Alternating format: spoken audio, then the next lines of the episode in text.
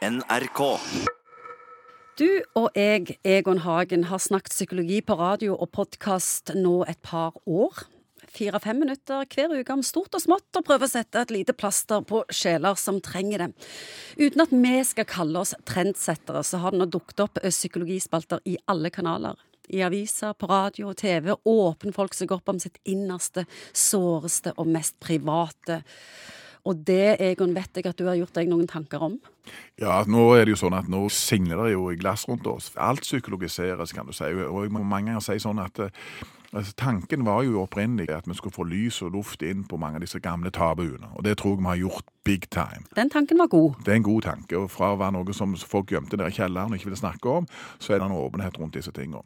Og så er det jo selvfølgelig sånn som mange ting i livet, Ingvild, at det er grøft på begge sider. At nå kan du ta den litt langt ut noen ganger. og sånn at eh, Det vi kanskje jeg er redd for, er at det alminnelige livets opp- og nedturer blir sykeliggjort. Det er faktisk forskjell på om ei jente på 17 år sier at du av og til syns livet er tungt og trist, til den depresjonen. En klinisk depresjon er noe helt annet. Det irriterer meg at eh, media skriver om sammenbrudd bare for noen grein litt. Ja, og så man passer oss der, tror jeg, at vi ikke får overslag.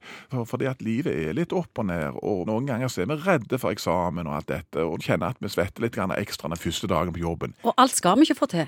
Og alt skal vi ikke få til. og Noen forhold ryker, sant? og folk dør rundt deg, og vi sørger over det, uten at det nødvendigvis er tegn på at, at det er noe alvorlig psykisk gale med deg.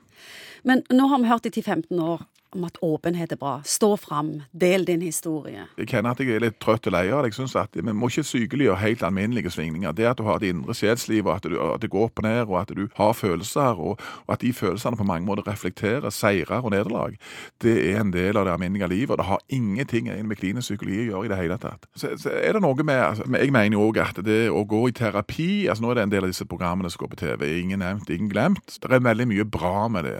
Vi skal ikke bli gamle, sure gubber folk bør slutte med det. Men bruk terapi er noe som vanligvis skjer under fire øyne, det er ikke noe kamera der. Du skal ikke vises for 2,5 millioner nordmenn etterpå. Og jeg tror at det er noe helt annet. Tausheten, eh, rammene rundt terapien, forsvinner egentlig. Og det er sikkert mange Ja. kolleger som vil være veldig veldig uenige med meg i det, og mener at gevinsten allikevel er større. Og, og det er fair enough. Jeg forstår den argumentasjonen òg. Å være en ungdom og åpne seg opp totalt om det er sårest og den sliter med, hva kan være konsekvensen av det? Nei, Du må tenke langsiktig. Det er klart at TV er jo interessert i Det er jo et sånt et er inn i sjelslivet på folk, under trusekanten og inn i sjelen til folk på alle mulige måter. Det er jo en kamp i media på å få seere og lyttere og alt dette. og Til og med psykologene tjener penger på dette. det gjør de selvfølgelig, og det er jo fair enough. Men, men i forhold til disse unge, så husk på det at du skal leve med dette i årevis etterpå. Og det kan godt være at livet ditt kommer til å ta en helt annen kurs enn du egentlig har tenkt. og kan være ei potensielt nedside her som ikke du ser som 17-18-åring, faktisk. Men så kan det være potensielt positive sider med at det sitter folk og ser på for hjelp.